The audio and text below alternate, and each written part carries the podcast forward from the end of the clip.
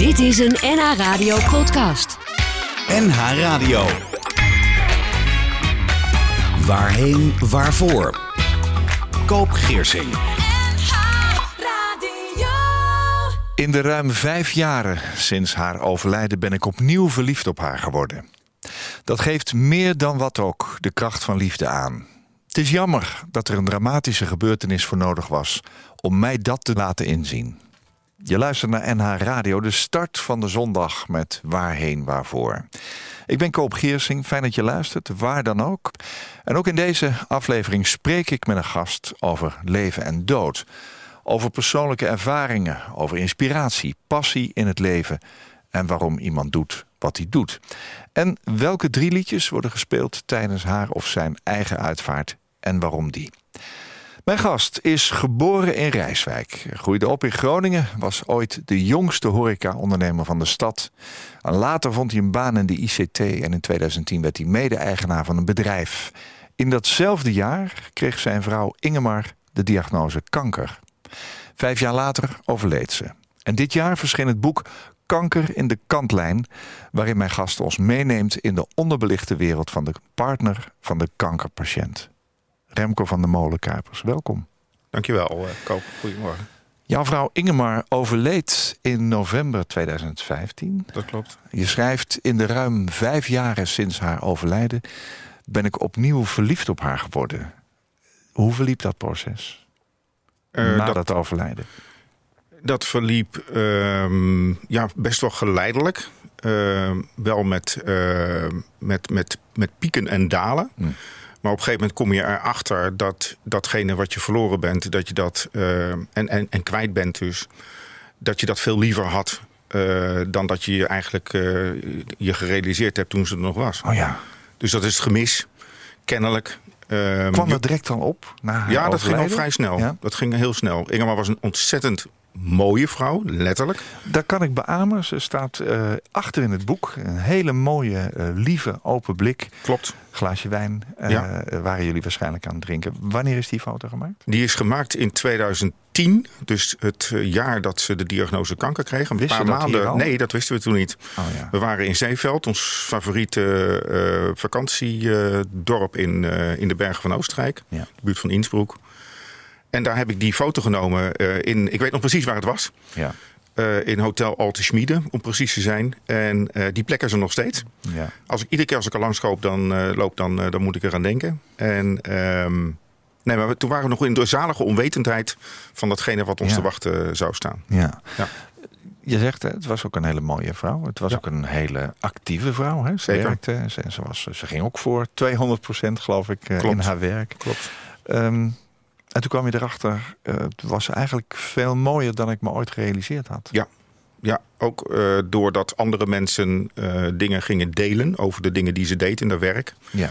het enthousiasme waarmee zij haar werk deed, de, de manier waarop ze geliefd werd door haar klanten. En dan moet ik voorzichtig zijn, want ze werkte voor Oxfam Novib. Oh ja. Nou, die hebben geen klanten, Nee. die hebben donateurs. Ja.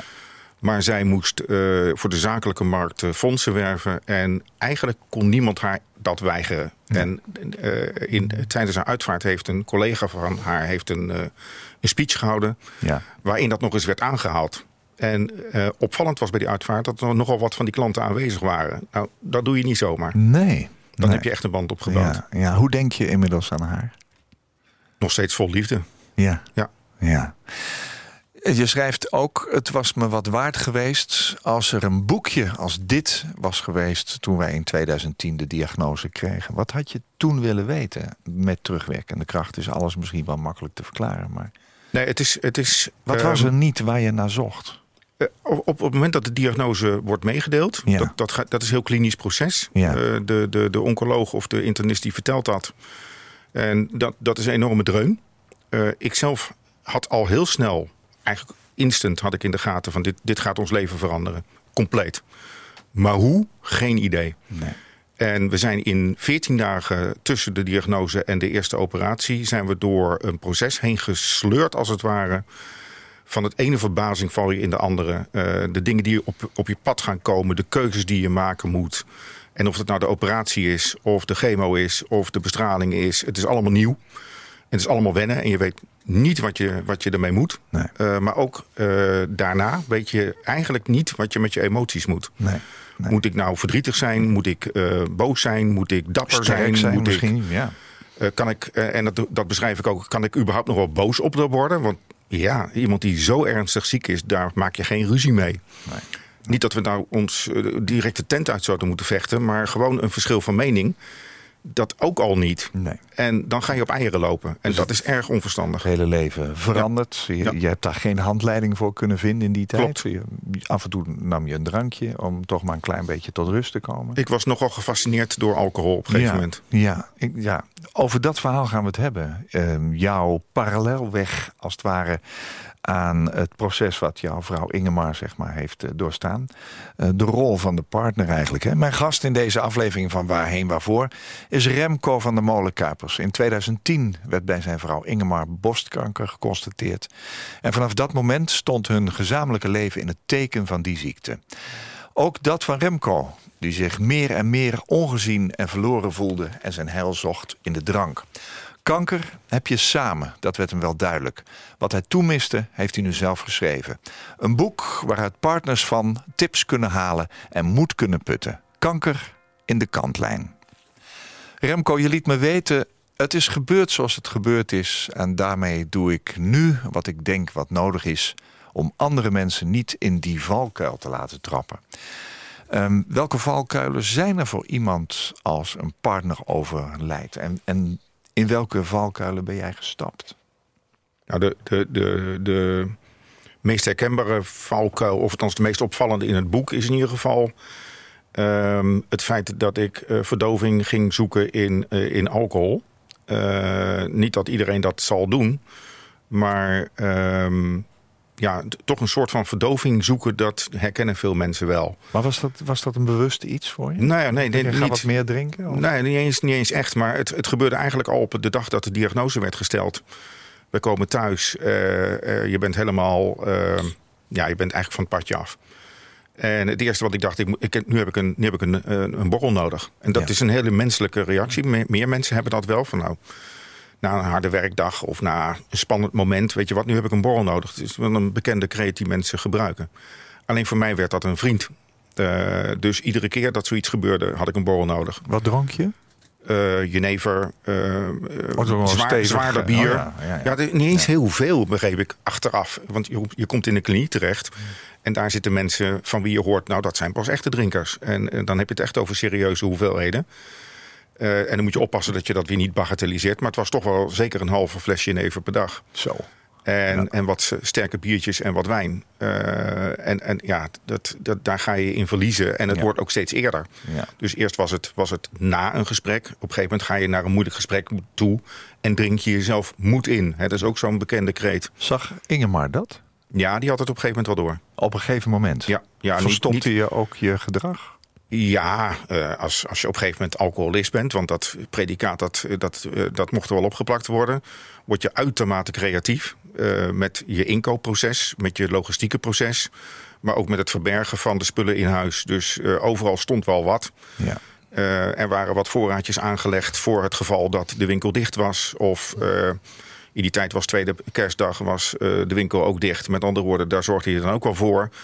Ja, dat, dat soort gedrag gaat op den duur gaat dat opvallen. Ja, Eh, je bent en dus ook- ook bij Ingemar. Uiteindelijk in een kliniek terechtgekomen, dat vertel je net. Eh, daar gaan we het nog over hebben straks. Even naar dat moment van die diagnose. Hè. Je komt bij een arts aan tafel. Je zit daar als partner van. Gingen jullie daar gespannen naartoe? Ja.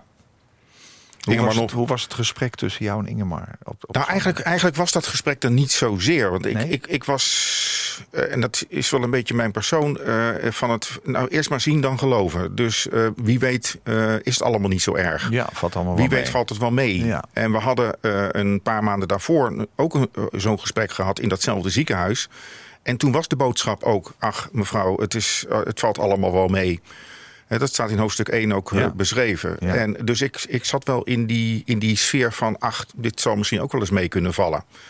Ja, en dat viel dus niet mee. Eh, en, en voor je het weet, na de diagnose, binnen 10 minuten zit je met een boek op schoot en mag je gaan kiezen welke soort operatie er gaat gebeuren. Hè, gaan we amputeren? Gaan we eh, borstbesparend, met een reconstructie, zonder reconstructie. En we hadden allebei op een gegeven moment het gevoel...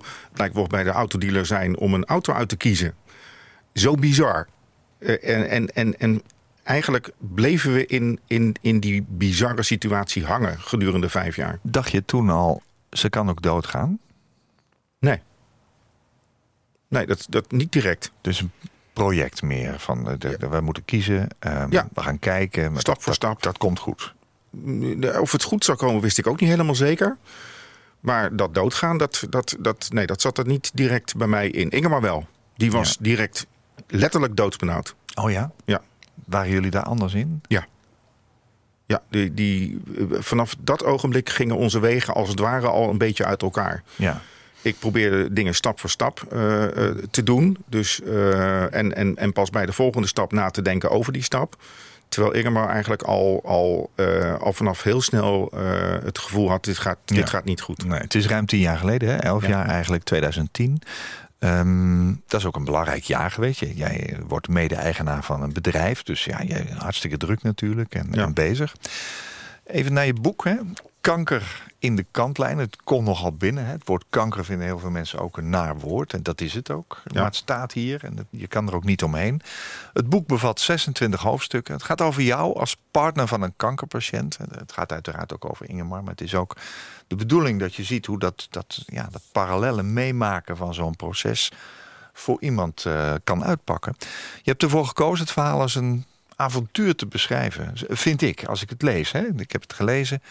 Je bent heel open, heel eerlijk. En tussen hoofdstukken door staat een kader met een tip voor de partner van. Dus je kan elke keer even oppakken. Na de diagnose kanker ging het met jou eigenlijk bergafwaarts, zou je kunnen zeggen. Met jouw vrouw Ingemar natuurlijk ook, maar op een andere manier. Maar met jou geestelijk eh, ook. Je schrijft, ondanks het tijdstip loop ik naar de koelkast en schenk ik een stevige borrel in. Daar ben ik wel aan toe.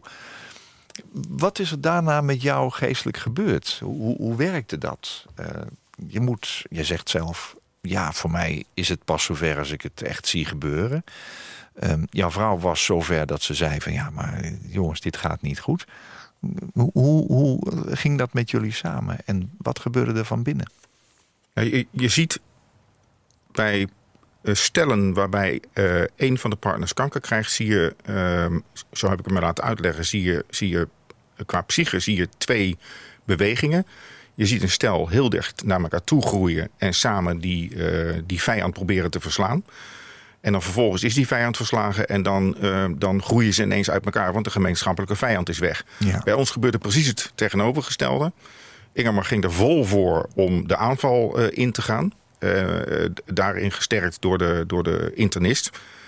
Ook begrijpelijk van zo iemand, want dat is datgene waarvoor die opgeleid is. Ja, dus die, die, mensen die- beter maken. die hielden elkaar in een soort van wurgende greep van... eh, ik wil dat die kanker verslagen wordt... en de internist die heeft de middelen om dat voor elkaar te, te boksen.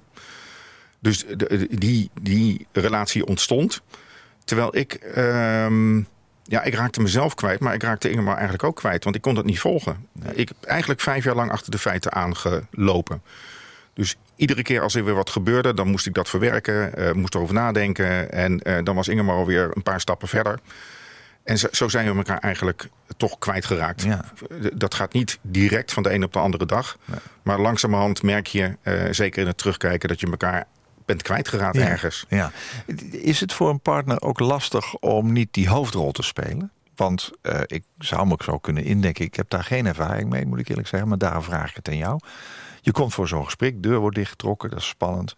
En degene richt zich tot degene die ook eh, het, het proces moet ondergaan. Klopt dat? Dat klopt. dus Ja. je, je hebt voortdurend het gevoel van... wat zit ik hier eigenlijk te doen? Ja, ja de, de, degene die, eh, althans dat was toen zo, degene die meegaat, die doet er nog toe voor de diagnose. En na de diagnose is het de arts die zich richt tot de patiënt en degene die erbij zit. Dat maakt eigenlijk niet uit wie dat is. Of het nou de partner is of de zuster of eh, nou, wie dan ook. Die doet er eigenlijk niet toe. Die mag wel meeluisteren Ja. en die mag ook mee. Ja. En die mag, ehm, maar dat is niet, niet de, de, de klant van de arts, om het Zou maar eens zo te zeggen.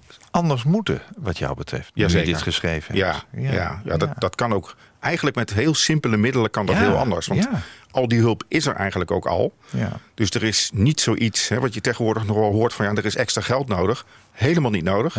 Andere manier van, van, van aanpakken. En je hebt, ook. je hebt een veel beter resultaat. Ja. Ja. Ehm, je zei, ik liep eigenlijk achter de feiten aan. Konden jullie samen praten over wat zij voelde en welke drive zij had om, om beter te worden, bij wijze van spreken? Nee, deden en, we eigenlijk en niet. jij met je eigen, wat er ontstond voor jou, een eigen soort problematiek, kon je dat delen met haar? Nee, nee, dat deden we eigenlijk helemaal niet meer. Hoe ging dat dan? Ja, we, we vermeden het.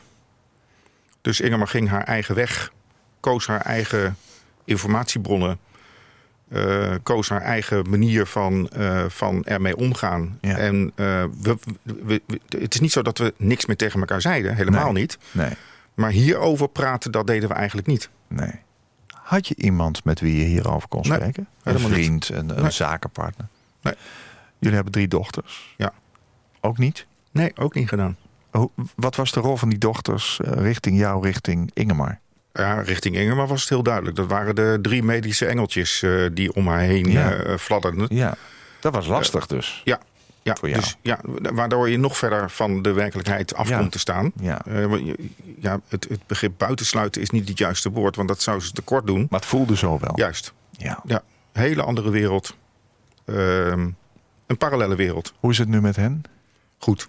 Ja? En Ja. Met, met hen en jou? Ook goed. Relatie is perfect. Ja, Ja, dat is helemaal weer. Perfect. Ja, hoor, dat is helemaal hersteld. Ja. Eh, als, je, als je op een gegeven moment eh, uit zo'n alcoholkliniek eh, komt en je bent afgekikt en het gaat echt goed, dan kun je, dat, kun je dat vertrouwen weer terugwinnen. ja. Ja. En dat is ook gebeurd. Absoluut. Dat is fijn om te weten. We gaan zo eens verder, want op een gegeven moment in jullie leven wordt jouw privéomgeving ook een soort ziekenhuiskamer. Hè? Er komt een hoog-laag bed en een pootstoel en ja, er, gaan apparaten aangesloten worden. Je hoort bliepjes en zo. Daar gaan we het zo over hebben. Ik heb jou ook gevraagd. Neem nou eens drie liedjes mee die op je eigen uitvaart gehoord moeten worden. Had je daar überhaupt wel eens over nagedacht? Of nou, ja, voordat dat je- Ingemar overleed niet. Nee. Want dan word je eh, na het overlijden geconfronteerd met... oh jee, wat moet ik nou toch allemaal gaan regelen? En gelukkig hebben de meiden daar ook eh, een hele belangrijke rol in gespeeld. Dus eh, dat is allemaal goed gekomen.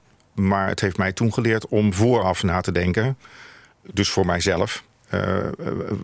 de adressen van mensen die aangeschreven moeten worden... staan keurig netjes op een rijtje. Oh ja. En ehm, hoe het er ongeveer uit moet zien. Niet dat ik nou over mijn graf heen regeer, maar toch wel een klein beetje in een richting waarvan ik me Ja. eh, denk bij mezelf, daar zou ik me comfortabel bij voelen. Ja. En met name de muziek. En we- weten die meiden het ook? ja, ja, ik heb het sterker nog, het ligt vast op papier. Ja. Dus ik heb dat eh, netjes voorbereid. Het ligt, eh, sterker nog, het ligt eh, zichtbaar op mijn bureau. Dus mocht mij iets overkomen, vrij onverwacht, dan kan iemand dat pakken. En ik wil niet zeggen dat het een scenario is, maar Nee, maar het is wel verstandig om te doen. Ja, je. absoluut. Ja, nou heel goed. Ehm, je hebt drie liedjes uitgekozen. Zijn daar drie klassieke stukken, maar ze komen hier en daar uit een televisie of een filmserie. Waar gaan we het eerst naar luisteren? Het klarinetconcert maar? ja, dat is goed. Ja? Waarom heb je dat uitgekozen? Ehm, ja, het is. Het is ehm, het- ik, ik betrek dat eigenlijk een beetje op mezelf. Ik, ik, mensen zeggen wel eens: je bent een eindselganger. Eh, nou, is dat niet, niet, het, niet het geval? Althans, ik vind van niet. maar het is, het is eh, zo'n één, één zo'n instrument Ja. Wat de boventoon voert in het hele stuk. En eh, dat betrek ik wel op mezelf. Dus er komt wel wat andere instrumenten komen erbij. Maar dit is eh, het, het, het hoofdinstrument waar het over gaat.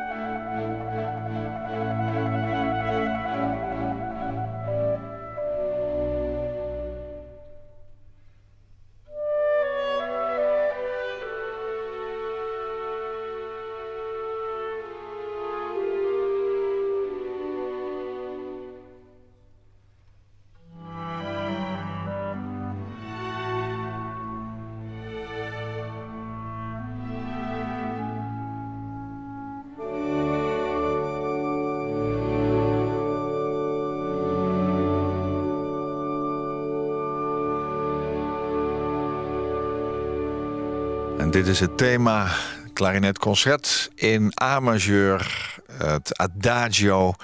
Gespeeld door het orkest van John Barry en met een uh, klarinetist van uh, John Barry. Het komt uit de film Out of Africa. Heb je het daar leren kennen, nummer? Of Nee, ik had, ik al? had het daarvoor alles gehoord, maar hier kwam die pas echt binnen. Ja, Ja. ja, prachtige film. Hè? Uiteindelijk zei ik zojuist Remco, ehm, Remco van der Molen. Kuipers is mijn gast. Hij heeft het boek Kanker in de kantlijn geschreven. De partner van iemand die aan kanker is overleden. Borstkanker, jouw vrouw Ingemar. Ik zei het al, uiteindelijk komt het er allemaal. Die rolstoel, het hooglage bed, een poosstoel. Uiteindelijk 24 uur per dag, 7 dagen per week. Zorg in huis.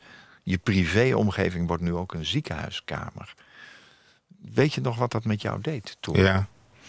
Ja, eigenlijk gebeurt dat ook nog eens een keer eh, een beetje ongemerkt. Want we hadden wel eens tegen elkaar gezegd... als je iemand, eh, bij iemand op bezoek komt of eh, in een ziekenhuis bent...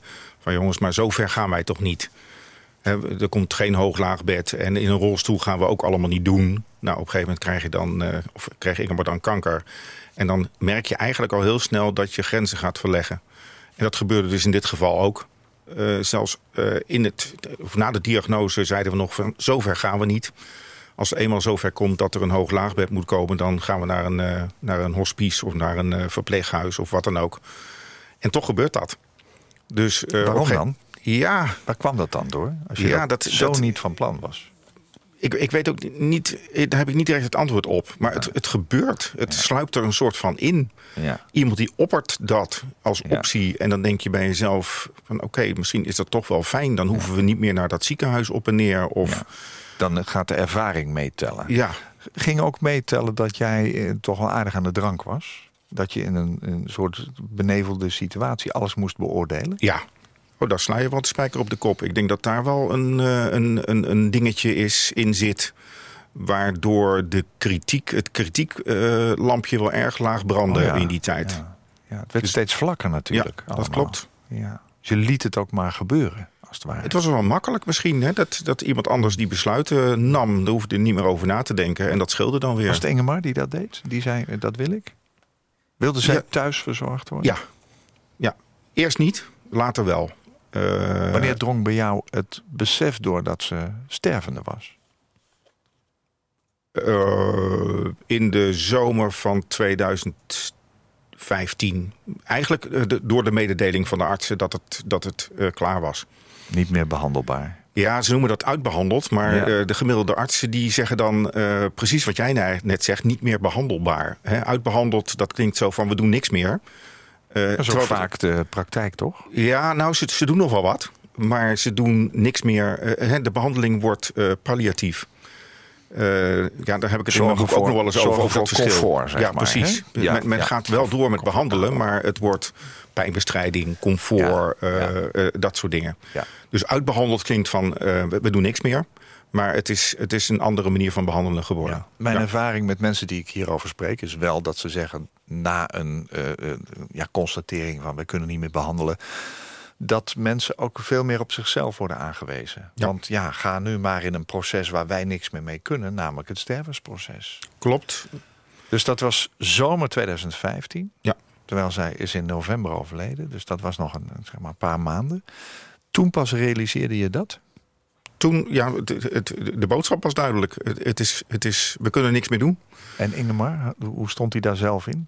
Eigenlijk Ook, ook vanaf dat moment pas? Ja, en het gebeurde ook nog op een heel lastig moment. Want we zouden eigenlijk op vakantie gaan. En midden in de nacht, dat, de, de nacht voordat we zouden gaan rijden... eh, kreeg Ingemar enorme pijn eh, in de linker of de rechterheup. Dat weet ik niet meer precies. Ondraaglijk. Eh, dus in plaats van in de auto stappen en naar, de, naar ons favoriete vakantieplekje te gaan... gingen we naar het ziekenhuis. En daar kwam al heel snel uit dat de uitzaaiingen dermate waren in de botten en in Ja. de lever dat, het, dat er geen redder meer aan was. Nee, nee. Hoe was jouw eigen toestand op dat moment? Was er ooit iemand, een vriend, een arts misschien, die jouw situatie inzag, Ingemar, en je confronteerde met, met, met eh, waar jij op dat moment mee bezig was en jou bij de arm nam? Nou, de, de, als, je, als, je, als je zogenaamd uitbehandeld bent, dan ga je terug naar de huisarts. Dus die kwam wat vaker bij ons op bezoek. En die had op een gegeven moment ook al snel... kreeg hij de signalen van... ehm, de, eh, Remco zit ook in de problemen. Dus Toch die, wel? Ja hoor, ja, die, en dat deed hij goed. Eh, dus die heeft zichzelf uitgenodigd voor een consult bij ons thuis. Ik weet nog precies... Ik zat boven te werken, ik heb boven een kantoor. En eh, ik zat te werken en ineens eh, kwam een van mijn dochters van... joh, de huisarts is beneden en die wil even met jou en met, met Ingemar praten. Nou, die kwam helemaal niet voor Ingemar, die kwam voor mij. Ja, dat een En- nieuwe situatie eigenlijk. Ja, dat was compleet nieuw. En met het hele gezin erbij eh, confronteerde hij mij met van... eh, de, de, de meiden en Ingemar hebben toch wel eh, ernstige vermoedens... dat jij meer drinkt dan goed voor je is. Ehm, wat ga je eraan doen? Ja, en dan typisch als een alcoholist dat betaamt... zeg je heel makkelijk van oké, maar dan stop ik daar toch mee. En daarmee was het gedaan. gesprek eigenlijk voor mij betreft klaar. Ja, nou, ja. de arts bleef door, toch wel een beetje doorduwen... maar toch niet ver genoeg dan zie je ook wel een klein beetje de manier waarop een alcoholist eh, manipulatief kan zijn Ja. in zijn gedrag Ja. en in zijn manier van praten. Dus ik kon het toch wel zo eh, plooien dat hij eh, akkoord ging met: oké, Remco gaat dus kennelijk stoppen. Nou, ik weet nog precies wat ik deed. Ik ging naar boven en het eerste wat ik deed was een borrel pakken. ja, even een borrel. Want ja. dat, dat is datgene wat je dan doet. ja, dat lost het op. hè? Dat lost het probleem op. En ja, dat, dan weet je al, dit is helemaal foute boel. ja. Ik zelf wist het eigenlijk ook wel. Ja? Is, Ja. Dat, is dat een soort eh, Ja, eh, tweede natuur op dat moment? Ja, je weet dat je heel fout bezig bent. En dat dat vroeger of later eh, dat dat misgaat. Ja. ja. Wat heb je toen gedaan? na, na die borrel, ik bedoel... Ja, gewoon, gewoon doorgaan tot Toch. het, tot het fout gaat. En dat ging bij mij ging dat op een gegeven moment goed fout. Ik kreeg een, een, een slokdarm varices, heet dat. Of varices. Dat, is, dat is zeg maar een soort aneurysma, maar dan van de slokdarm. ja.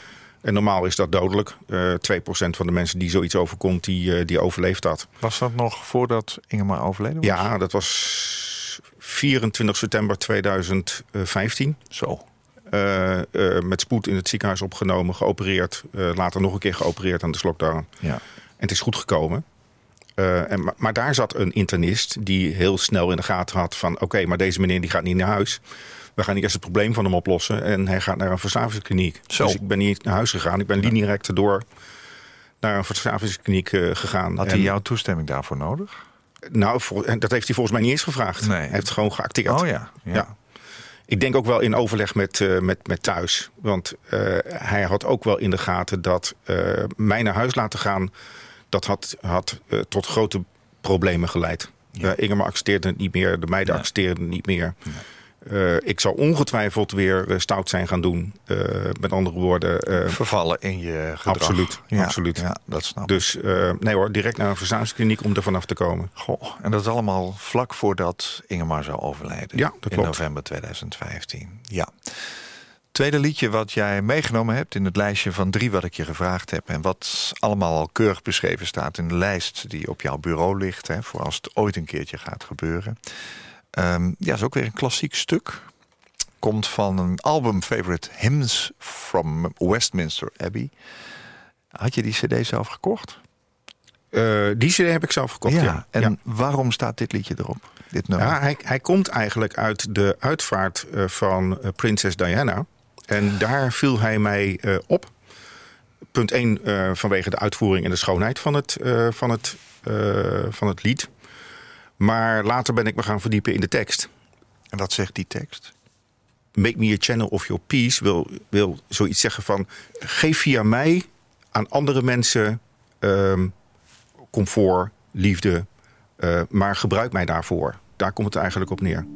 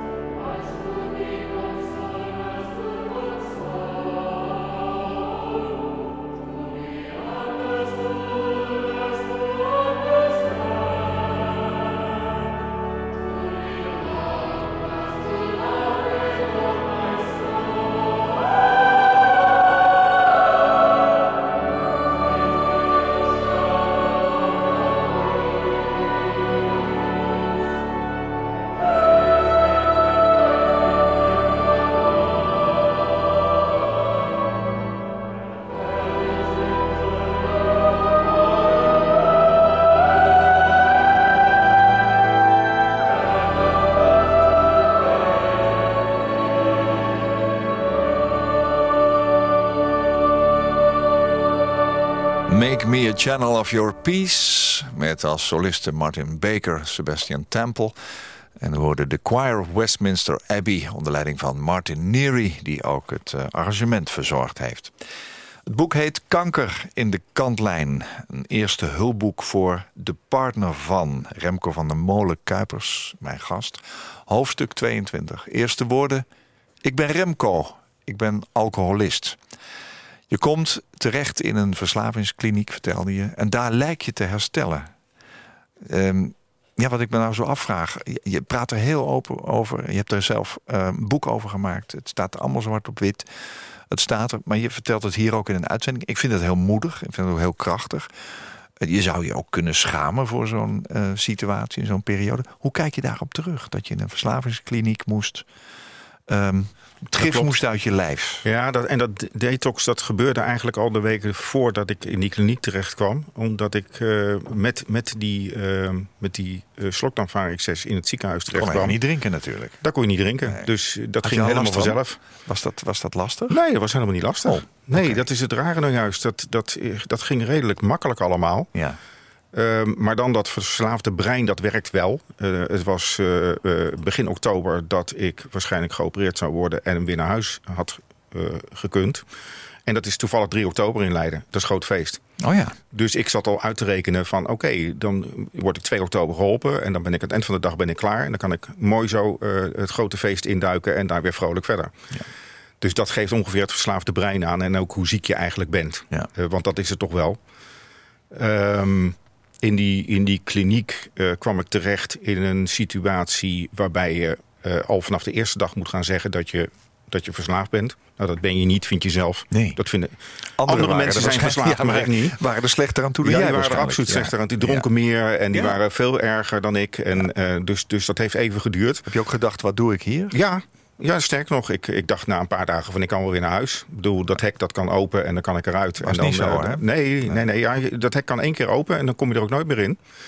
Dus uh, het, is, het is, ja, ik wil niet zeggen gevangenis, maar het is, ze, ze weten daar heel goed wat ja. ze doen. Ja. En ze kennen ook heel goed de smoesjes van, uh, van mensen die verslaafd zijn. Ja. Je en, bent... Maar ik had ook op een gegeven moment al vrij snel in de gaten hoe dat werkte, hoe dat in elkaar zat. Ja. En als je dat in de gaten hebt, dan gaat het echt werken. Ook voor mij. Ja. En toen ik dat door had, toen kon ik werken aan mijn herstel. En toen ging dat ook redelijk snel. Ja. ja. En nog steeds? Ja, je, hoor. je raakt geen borrel meer aan? Nee hoor, Want niks. het kan niet meer dan, hè? Nou, je kunt het risico niet lopen. Met een heel klein percentage zeggen ze... die zouden wel eens weer wat kunnen drinken. Ja. Maar nee, nee, geen seconde dat, dat ik daar ook maar aan denk. Want Nee. je zal maar tot die 98% horen bij wie dat misgaat. Gaat. dat- en dan is het heel snel zijn. is het weer mis. Ja, begrijp ik ook. Het is natuurlijk allemaal wel gekomen doordat je dat, dat, ja, zeg maar, dat parallele onderbelichte pad bewandelde. Hè? Jouw partner was eh, ja, doodziek, Ja. zou doodgaan. Wist je ook dat dat eraan zat te komen. Dus het is ook zo logisch dat je naar iets gezocht hebt waarmee je wat verzachting van de pijn had. Dat had zij ook tenslotte. Hè? Ja. Zij, zij kreeg medicijnen om toch wat comfortabel te zijn. Die onderbelichte wereld, waarom voelde dat zo onderbelicht? Was het niet jouw eigen probleem? Oei. Dat zou ik zo. Ja, natuurlijk, natuurlijk was het mijn probleem. Maar het is ook een probleem wat anderen hebben. Eh, in meer of mindere mate. Dus als me- mensen die het boek lezen, die halen er soms een hoofdstuk uit wat herkenbaar is Ja. voor hun. Ja. Eh, niet alles. Nee. Want sommige dingen herkennen ze niet. Want niet iedereen eh, is bijvoorbeeld verslaafd in zo'n situatie. Nee. Maar bepaalde dingen die herkent men dan. En, eh, en dat heb ik eigenlijk op een rijtje gezet. Eh, Ken, kennelijk viel bij mij er heel veel samen. Ja. En werd het daar een, een, een, een onoverkomelijke berg ja, ellende, om Ja. zo te zeggen. Ja. Het, het was gewoon veel en veel en veel te veel. Ja, jij, jij besloot het uiteindelijk op te schrijven. Je had ook kunnen zeggen van nou, dat heb ik allemaal meegemaakt. Laat ik nu achter me, ik ga verder. Waarom wilde je het verhaal van iemand die het meemaakte... er lessen uit leerde en die doorgeeft aan iedereen die er wat aan kan hebben... opschrijven, los van dat je wilde dat zo'n boek er was toen je het zelf nodig had. Waarom wilde je dit schrijven? Om andere mensen niet in diezelfde valkuil te laten Waarom? Wat maakt het je uit? Ja, omdat je, je, je kunt iets betekenen voor een ander. Waar- waarom zul je dat niet doen? Dat, het was voor mij eigenlijk een heel natuurlijk proces. Omdat om, het dit... eh, confronterend is om daar weer helemaal doorheen te gaan. Het weer allemaal op te schrijven. Je ja, hebt het maar al zelfs dat, zelfs dat was nog wel louterend, zou je kunnen zeggen. Het heeft, het heeft, je ook mij weer wat gebracht. Ja. door er nog eens doorheen te gaan. En, en, en, eh, en als je, ik, ik heb het bijvoorbeeld een paar weken geleden heb ik het boek zelf voor het eerste keer in de huidige vorm gelezen. Oh ja? Ja, je leest het natuurlijk wel een keer of twintig voordat het uitkomt, maar zoals het hier gebonden voor ons ligt, Ja. had ik het nog niet gelezen. Nee.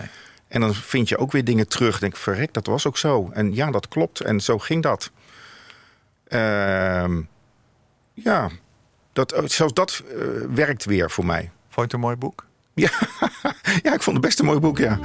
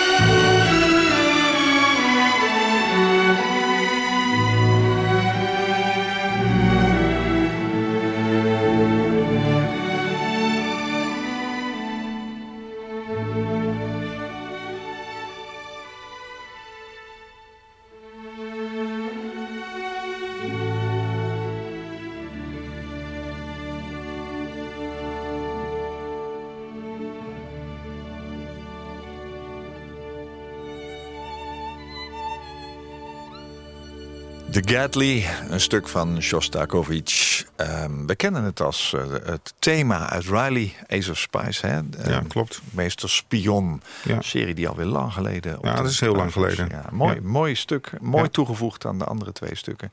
Deze staan op jouw lijstje, als het ooit gebeurt. Ja. Ja.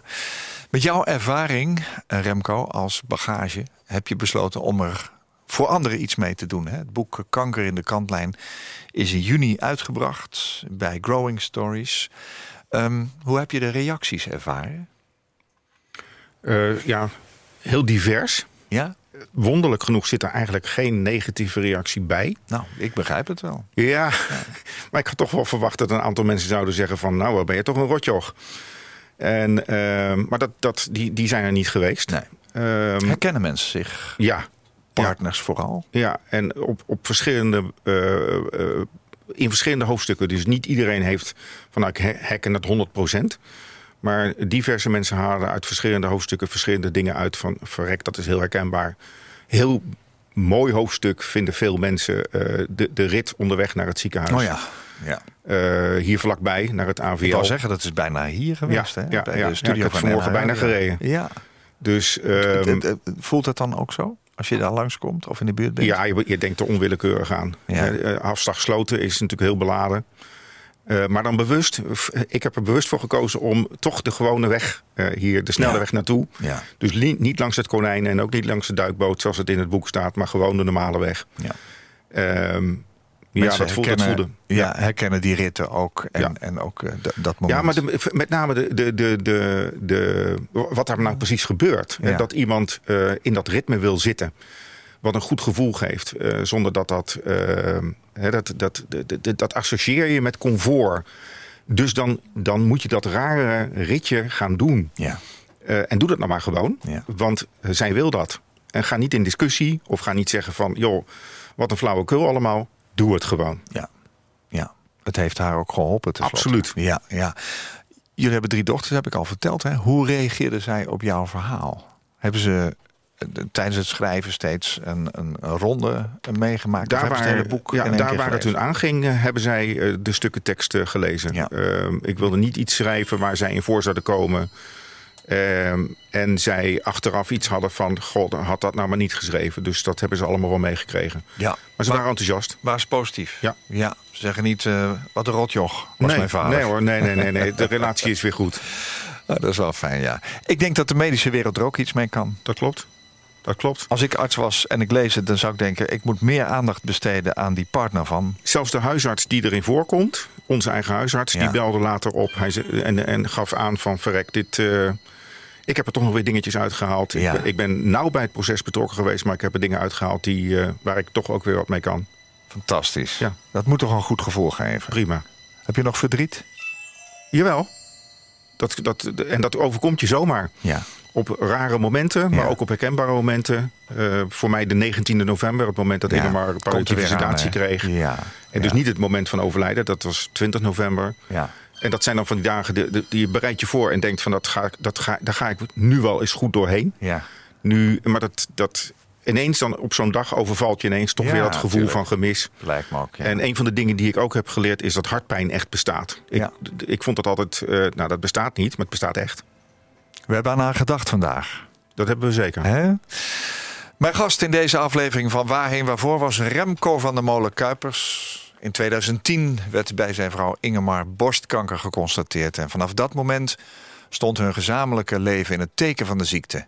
Ook dat van Remco, die zich meer en meer ongezien en verloren voelde en zijn heil zocht in de drank. Kanker heb je samen, dat werd hem wel duidelijk. Wat hij toen miste, heeft hij nu zelf geschreven. Een boek waaruit partners van tips kunnen halen en moed kunnen putten. Kanker in de kantlijn. Remco heeft zijn aandeel in het bedrijf verkocht, werkt nu freelance bij een grote ICT-dienstverlener in Hilversum. En daarnaast wordt hij regelmatig gevraagd voor een lezing of een interview over het onderwerp kanker. Remco, dank dat je hier wilde zijn. Dat je je verhaal met ons hebt gedeeld. En dat anderen kunnen lezen wat jij in 2010 zo hebt gemist. Een boek over de onderbelichte wereld van de partner van een kankerpatiënt. Heel graag gedaan. En wellicht tot ziens. Goede reis in je leven. Dankjewel. Alle goeds gewenst. Koop Geersing.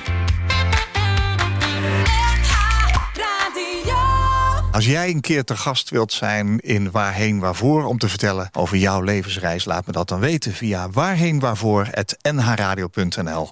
Waarheenwaarvoor.nhradio.nl. Dit was een NH Radio podcast. Voor meer, ga naar nhradio.nl. Radio.